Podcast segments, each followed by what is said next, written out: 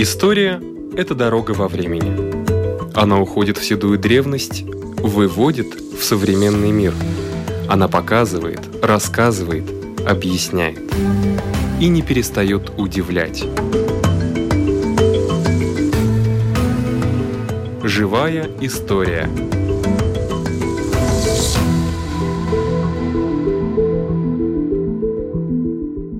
У микрофона Лидия Чера.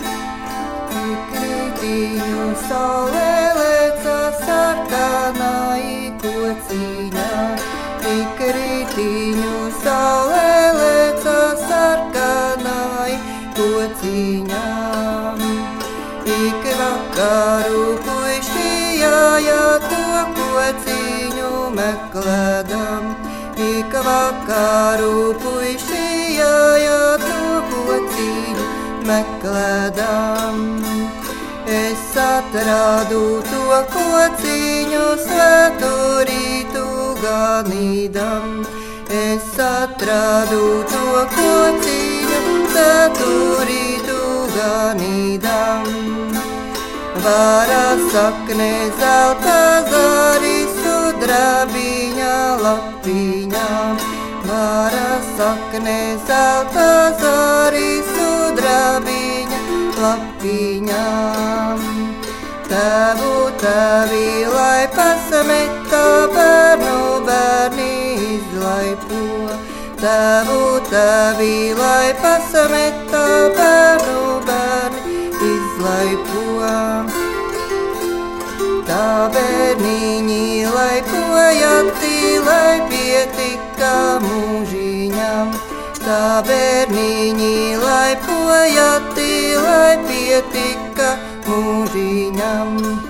В конце октября состоялось несколько интересных мероприятий, и все они связаны с именем самого известного в Латвии фольклориста, писателя Крышена Баруна.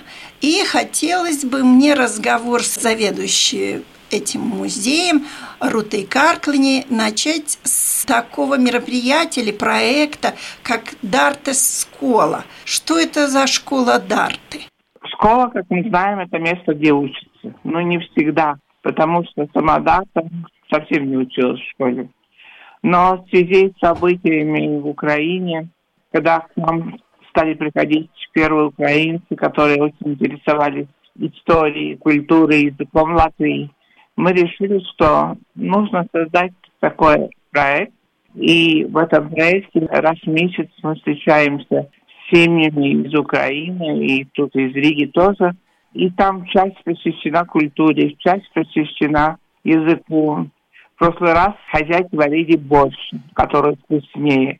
И в основе, конечно, взята книга Ингуны Бауэра, которая рассказывает о Дарте. Так коротко об этом я могла бы вам сказать. Да, но вы не сказали, что Дарта – это жена Крышина. Да, да. Потому что мы это с вами знаем, но не думаю, что все радиослушатели это знают.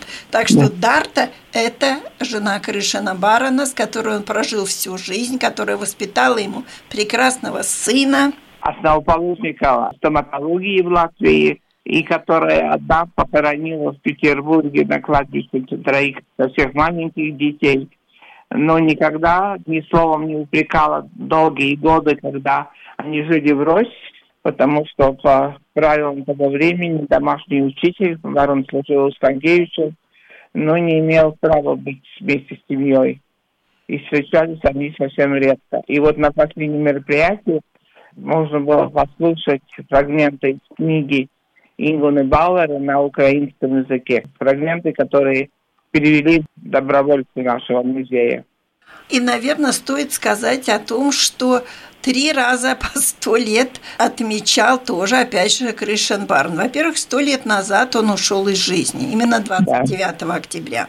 Сто лет назад улица переименована в честь Крышена Баруна, которую мы до сих пор так и называем.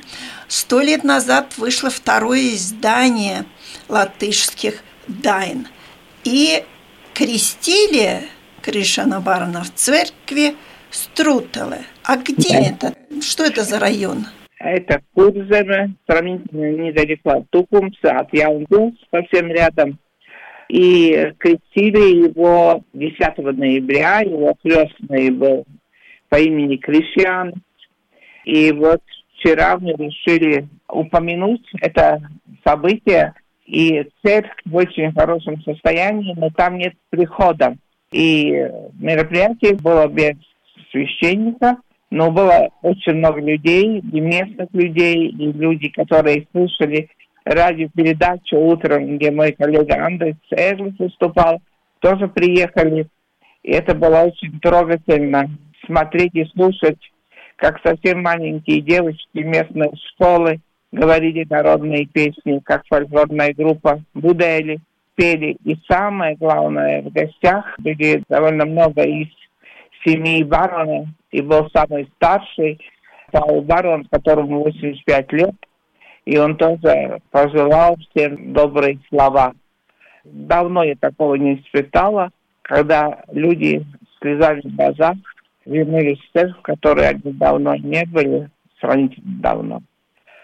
Было очень трогательно. И потом мы еще посетили поместье, где дом, ну, скажем, место дома, там, где родился Кришан из Воронца.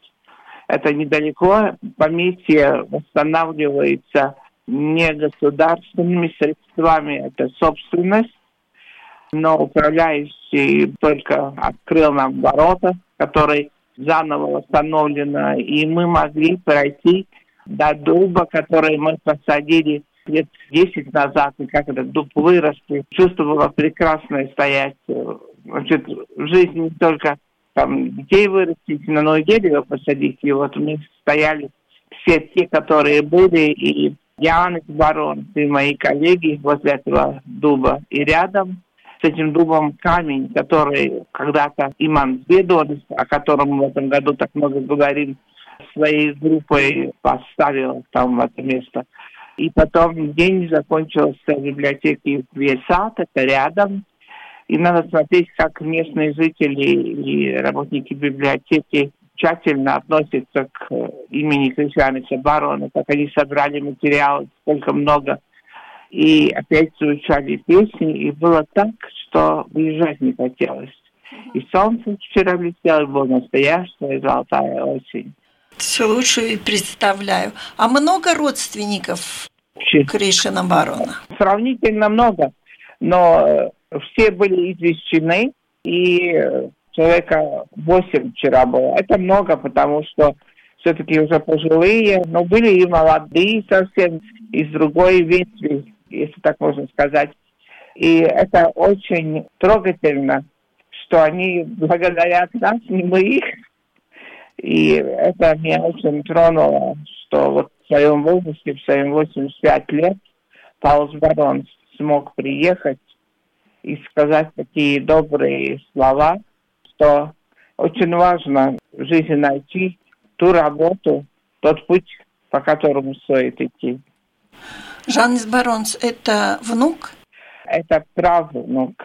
То есть у барона был один сын? Да.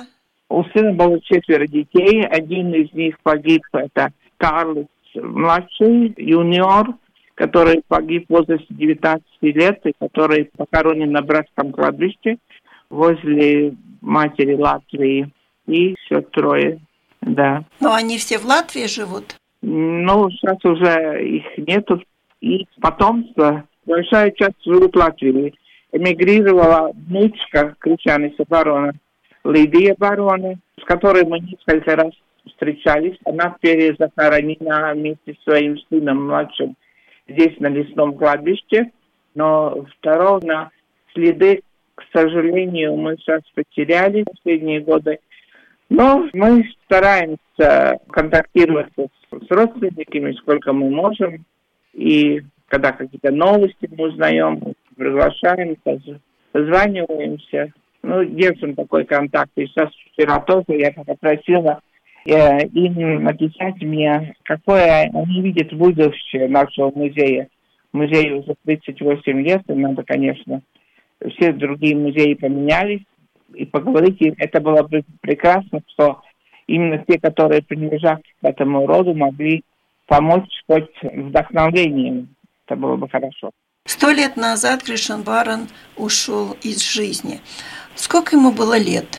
Он ушел на 88-м году жизни, и возле него была семья, внуки, и когда я впервые встретилась внучкой Лидией, когда она впервые из за океане приехала в Латвию, когда ей разрешили приехать, тогда она рассказывала, и вы знаете, прошло столько лет, 38, и когда я вхожу в эту комнату нашу, я слышу ее голос и помню, как она рассказывала о дедушке, о последние минуты его жизни. И буквально, если вы упомянули еще столетие латвийские дайны, второе издание, тогда надо сказать, что э, невеста Лиина в своих воспоминаниях пишет о том, что буквально день или два дня до ухода христианства из этого мира он получил второе полное издание и погладил каждую из книг и тихо сказал, я дружку, я страдаю, да, немножко я проработал. Я думаю, что 40 лет с лишним, который он посвятил этой работе. И я думаю, что хоть певческий праздник в этом году свидетельствует о том, насколько богата наша Латвия, наша, наша культура, наша история благодаря Кришьяну Сапарону. А улица, готовимся к юбилею, июль, улицы, готовимся своими силами и нашими помощниками, потому что два раза когда мы подавали на проект, наверное, не все правильно сделали, но праздник будет, будет не в ноябре, будет в декабре, на Рождество. И будет фотографии сегодняшнего дня. Одна ученики одной школы с учительницей нам очень помогает. Будет улица в стекле, тоже художница, которая работает детьми, которые работают по стеклу. Работаем вместе с э, Яней Савгап. И я думаю, что и другие, все, которые на нашей улице нам помогут, чтобы мы могли зажечь 100 свечек в большом-большом, не знаю, в торте или в чем, но если вы точно, если у вас фотографии, может быть, или какие-то рассказы, которые связаны с, с улицей, может, ваши знакомые жили, или родственники, сами живете, или что-то очень интересное. Мы с удовольствием музей получим, будем рады получить это и использовать наши выставки. Для всех жителей улицы Крышина Варона.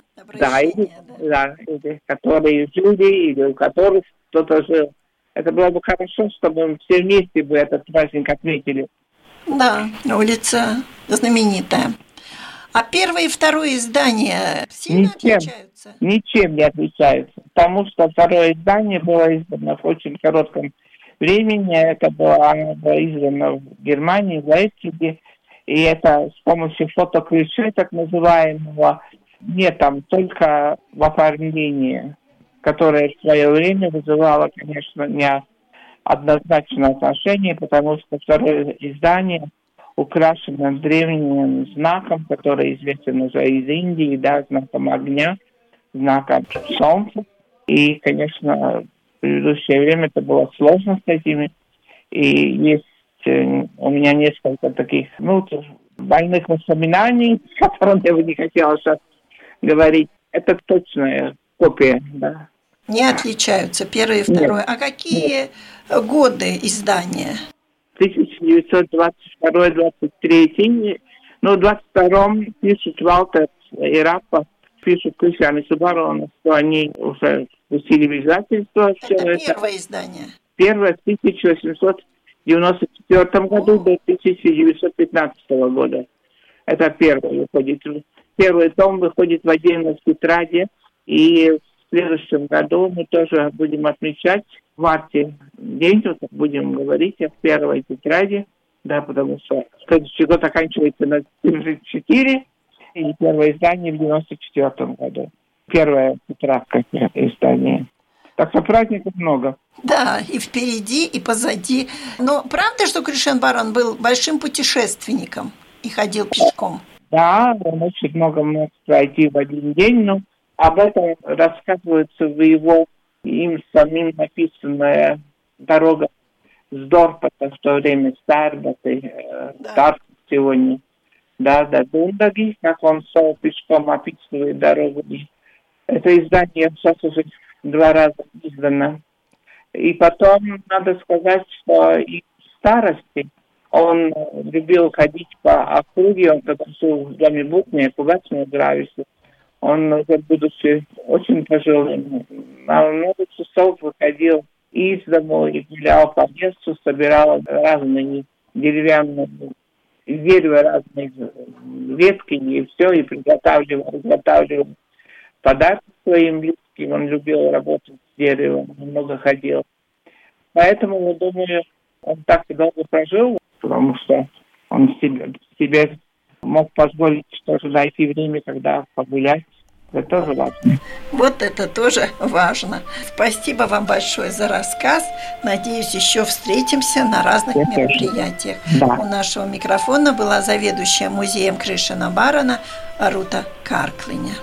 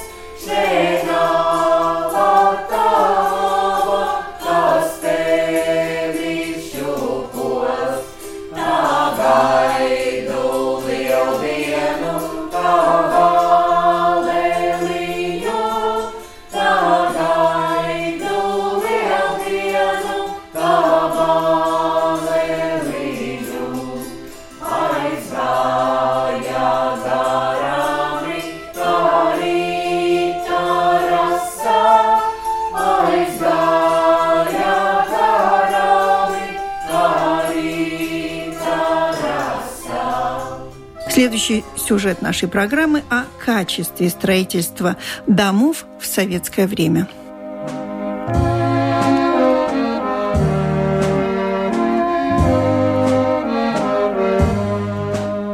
Из серийных жилых домов, построенных в советское время, панельные дома представляют большую потенциальную опасность на предмет аварий и разрушения, чем предшествующие им кирпичные хрущевки – считает присутствующий здесь у нас в студии архитектор Людмила Клешнина. А вот на самом деле, какие дома прочнее, панельные или кирпичные? Ну, я думаю, и те, и другие уже при, приближаются к своему сроку использования. Хрущевские дома были построены в конце 50-х, ну, 60-е годы, уже больше 50 лет. Поэтому, конечно, они все подлежат капитальному ремонту. А панельные дома построены немножко позже, это 70-е, 80-е годы, но еще там несколько десятилетий, и тоже это проблема. Я бы по-другому к этой проблеме отнеслась чисто планировочно, потому что хрущевские дома – это кирпичные дома, у них обычно продольные несущие стены, три стены обычно, две наружные и какая-то одна внутренняя продольная стена. Ну, грубо говоря, если снести все перегородки, все квартиры как бы очистить, то останутся таких два коридора. Их легко перепланировать, то есть переставить перегородки, подвести сантехнику, в любом случае новые стыки сделать. И эти дома реанимировать, чтобы квартиры были современные, больше отвечали нашим современным требованиям. А панельные дома, там это более сложно, потому что в панельных домах обычно у них такая конструктивная система, что все панели несущие. И кроме того, эти панели соединяются между собой закладными металлическими деталями. А металлические детали, металл вообще имеет такое понятие, как усталость металла. Даже если эти дома не подвергались там каким-то аварийным нагрузкам, да, или каким-то там землетрясениям, каким-то таким пожарам и чего-то, просто уже приходит время металлическим деталям они ну, теряют да. прочность, да? да. И так как это как бы такие коробочки, все панельные дома, они как бы составлены из коробочек, у которых несущие стены, все четыре. И поэтому их перепланировать трудно. Чтобы сделать даже проем такой несущей панели, ну, нужно там закладывать металлическую раму, то есть смотреть, как эту нагрузку перераспределить. Этот проем можно сделать не в любом месте. Поэтому их приспособить, планировку к нашей современной действительности гораздо труднее. И поэтому стоит ли вкладывать деньги в их ремонт, если меняются требования к планировке, к уровню комфорта меняются у людей. Хотя это тоже сложный вопрос. Да? Сейчас весь мир опять возвращается к такому экономному жилью, так сказать. Да, да? Даже к Поэтому, биотуалетам. Да, и даже к такому. Да? Поэтому, может быть, но это дело будущего, да? что решат архитекторы будущего. А вы думаете, что правда надо будет разбирать эти дома? Что они... Ну, если они станут опасные. Ну... Наверное, разобрать все таки дешевле, чем их реконструировать, я так думаю. А как можно узнать, что он становится опасным? Трещины появляются? Ну, это немножко вопрос не ко мне, я не инженер. Ну, да. Должно быть инженерное обследование дома. Когда появились трещины, это уже близко аварийное состояние. А вообще-то у нас положено текущее обследование домов делать. Ну, даже вот те, кто обслуживает наши дома, НАМО Парвелникс, они делают такие обследования, обходы домов, и там же тоже работают профессионалы, они должны видеть какие-то первые признаки. Ну, а если да. заменить коммуникации, сделать утепление стен, это продлевает срок эксплуатации? Конечно, дома? особенно замена коммуникаций потому что они раз 30 лет вообще существовали и раньше нормы, и сейчас по нормативам, если не ошибаюсь, раз 30 лет должен быть капитальный ремонт коммуникаций. А посмотрите, дома, в которых мы живем с 80-х годов, что значит капитальный ремонт коммуникаций? Это не ремонт наших санузлов и там подвод трубочек воды да. к а бачку или так далее. Это центральные стояки, магистральные стояки, вертикальные, которые проходят через весь дом, да? А чтобы их заменить, ну хорошо, в более поздних сериях там они проходят в коммуникационных шахтах. Значит, все квартиры на всех этажах, вы в коммуникационной шахте будете менять стояки, вы должны заходить в каждую квартиру, и там проводить работы в санузлах, открывать эти дверцы и все такое. А не все жильцы вас пустят в свою квартиру. У нас неприкосновенность жилища, да, первое. Хотя, может быть, в договоре они согласились, что они доступ обеспечат, но это достаточно трудно организовать процедуру. А потом платить. Значит, если мы теперь будем эти стояки все менять, то нам же это включит в наши счета, которые мы получаем каждый месяц, повысится опять плата там будут собирать деньги на этот ремонт, да, это не дешевое мероприятие. Так что Поэтому если, это сложный вопрос. Так что если говорить, что в свое время мы все пытались попасть в квартиру серии 119, она оказывается совсем не такая хорошая, чисто практически. Нет, но она одна зрения. из самых поздних, поэтому ей еще не наступил, как говорится, срок ее конца эксплуатации. Но почему мы туда стремились попасть? Потому что там была интересная планировка, там не была тесная прихожая какая-то. Мы открывали дверь, попадали в светлый холл, полноценное помещение, многие его использовали даже как гостиную. Поэтому это нас привлекало. И там были лоджии несколько. Поэтому в ней были свои преимущества, конечно. Увеличенная площадь квартиры благодаря этому да, получалось. 119 да. серия еще была 602, 467, да. 103 да. это Хрущевка, да? Нет, 103 это, кстати, одна из долговечных серий. 103 серия это с несущими кирпичными стенами. И там стены, правда, не как в хрущевках вдоль здания идут, там стены идут поперек здания, но все равно как бы здание сложено из таких вот продолговатых ячеек, поэтому тоже легко перепланировать эти дома. И в кирпичных стенах это не панельные стены, в них можно легко прорубить проемы в любом месте. То есть вы можете поменять планировку квартиры, можете объединить несколько квартир, там можно сделать современную большую квартиру, потому что эта конструкция не препятствует этому. А панели, которые на фасадах, их можно утеплить. Поэтому это, кстати, 103 серия, одна из таких вот перспективных для реанимации, так скажем. Реанимации, да. да. А какая еще, кроме 103-й? Ну, вот даже остальные у нас все панельные были, по-моему. Ну, 12-этажный еще, я не помню номер, который тоже с кирпичными стенами торцевыми такими. Ну, их вот, может, много на югле построено, вдоль улицы Дзирциема. Ага. Вот они тоже по такой же схеме. Так что у нас все-таки есть шанс. Нет, ну я думаю, что и смотрите, в советское время расчет всех конструкций производился с коэффициентом 2, то есть прочность обеспеченный, плюс еще запас в два раза закладывался. Поэтому эти дома стоят, и пройдет 50 лет, они еще, конечно, простоят. Поэтому они неказистые, некрасивые, нам сейчас кажутся устаревшими, но все-таки они были из материалов природных построены, понимаете? Это не кнав каркас, обшитый какими-то там плитами. Вот. И не каркасные здания, это все-таки из массивных конструкций. Ну, такая была технология в то время. Ну, нельзя сказать, что они некачественные. Да? Ну, кстати, хрущевские менее качественно именно построены. Там силикатный кирпич – красный кирпич и желтый кирпич. Это более качественные изделия. А силикатный кирпич, он, в принципе, и в советское время был предусмотрен для промышленных, сельскохозяйственных объектов. Но и в хрущевское времена их строили, потому что нужно было быстро. Он дешевле, чем глиняный кирпич. Силикатный кирпич, он дешевле. Массовое строительство нужно было массу дать сразу, заселить много людей, дать им человеческие условия для жизни. Поэтому строили силикатного кирпича. Но он быстрее придет в негодность, конечно. Спасибо. Раз все-таки коэффициент прочности 2 у нас еще есть в запасе да. время. Да. У нашего микрофона была архитектор Людмила Вениаминовна Клешнина.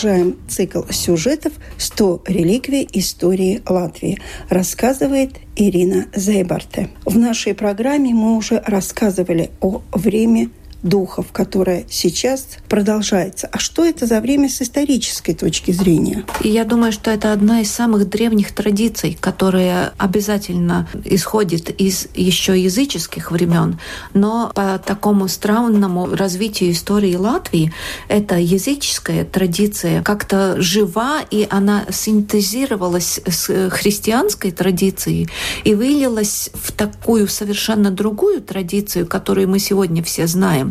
И я думаю, что поэтому, как традиция, она очень интересна, но, как вы знаете, традиция — это вещь нематериальная, ее нельзя взять в руки.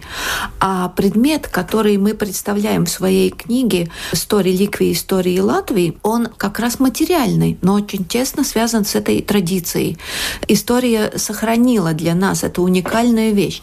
Это такой с виду неказистый кусочек дерева, четырехугольный, с отверстиями ручками для четырех деревянных ножек. И называется он столиком. Когда-то он был столиком именно для угощения духов. И, как известно, вот с 29 сентября до 10 ноября было время угощения духов, и в это время где-то не в доме, снаружи выставлялся этот столик или в бане, или рядом где-нибудь. Он мог быть и под деревом например, под дубом, который почитали в языческие времена. Его выставляли на этих ножках, обязательно ставили свечу, потому что эта свеча была тоже символ, огонь как символ, и как знак, куда идти духом умерших, чтобы они могли найти угощение. И на этот столик ставили угощение. Но это было обычно что-то съедобное, и это было очень важно, чтобы утром, как когда приходили посмотреть к этому столику, чтобы хоть что-то было тронуто. Это означало, что духи были. Потому что духов в то время не боялись. Это были свои. И выставляли это угощение для своих, для родных. Потому что ждали духов именно своих родственников, своих близких, чтобы они пришли и своим приходом утвердили то, что все хорошо, что они довольны оставшимися. И вот потому, что это традиция традиция, с одной стороны, очень долгая, очень древняя, с другой стороны, все материальные доказательства этой традиции фактически исчезли. Поэтому это действительно уникальный предмет в коллекции нашего музея, который сохранился. И поэтому мы очень им гордимся. И, например, хотя бы тем, что мы знаем и историю конкретно этого столика, конкретно этого места, семьи, от которой получили этот столик. В музей он пришел в 1929 году, и с тех пор не появилось ни одного другого свидетельства об этом культе духов. И я думаю, что стоит напомнить нам всем, что эта традиция, как я вначале сказала, она как-то синтезировалась, и сохраняя вот эту традицию подкармливать, угощать духов, она превратилась, в свою очередь, и в традицию, которую в Латвии знают все. Это свецы и швакари, когда уже тоже во время духов или в течение всего ноября люди идут на кладбище, зажигают свечи, и тем они э, показывают свое отношение к своим умершим родственникам. Вы можете сказать, а с какого века сохранился этот столик? Вы назвали, когда передали в музей, это 20 век начало, почти 100 лет ему уже.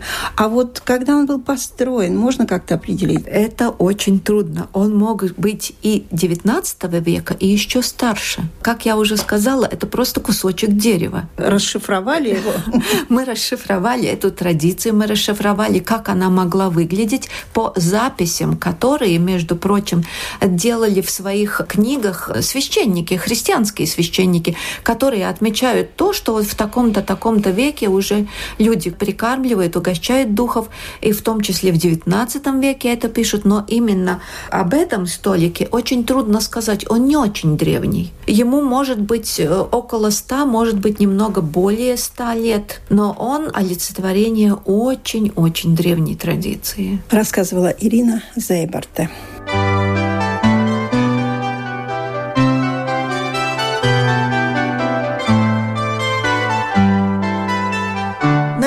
Наша передача заканчивается. Всего вам доброго!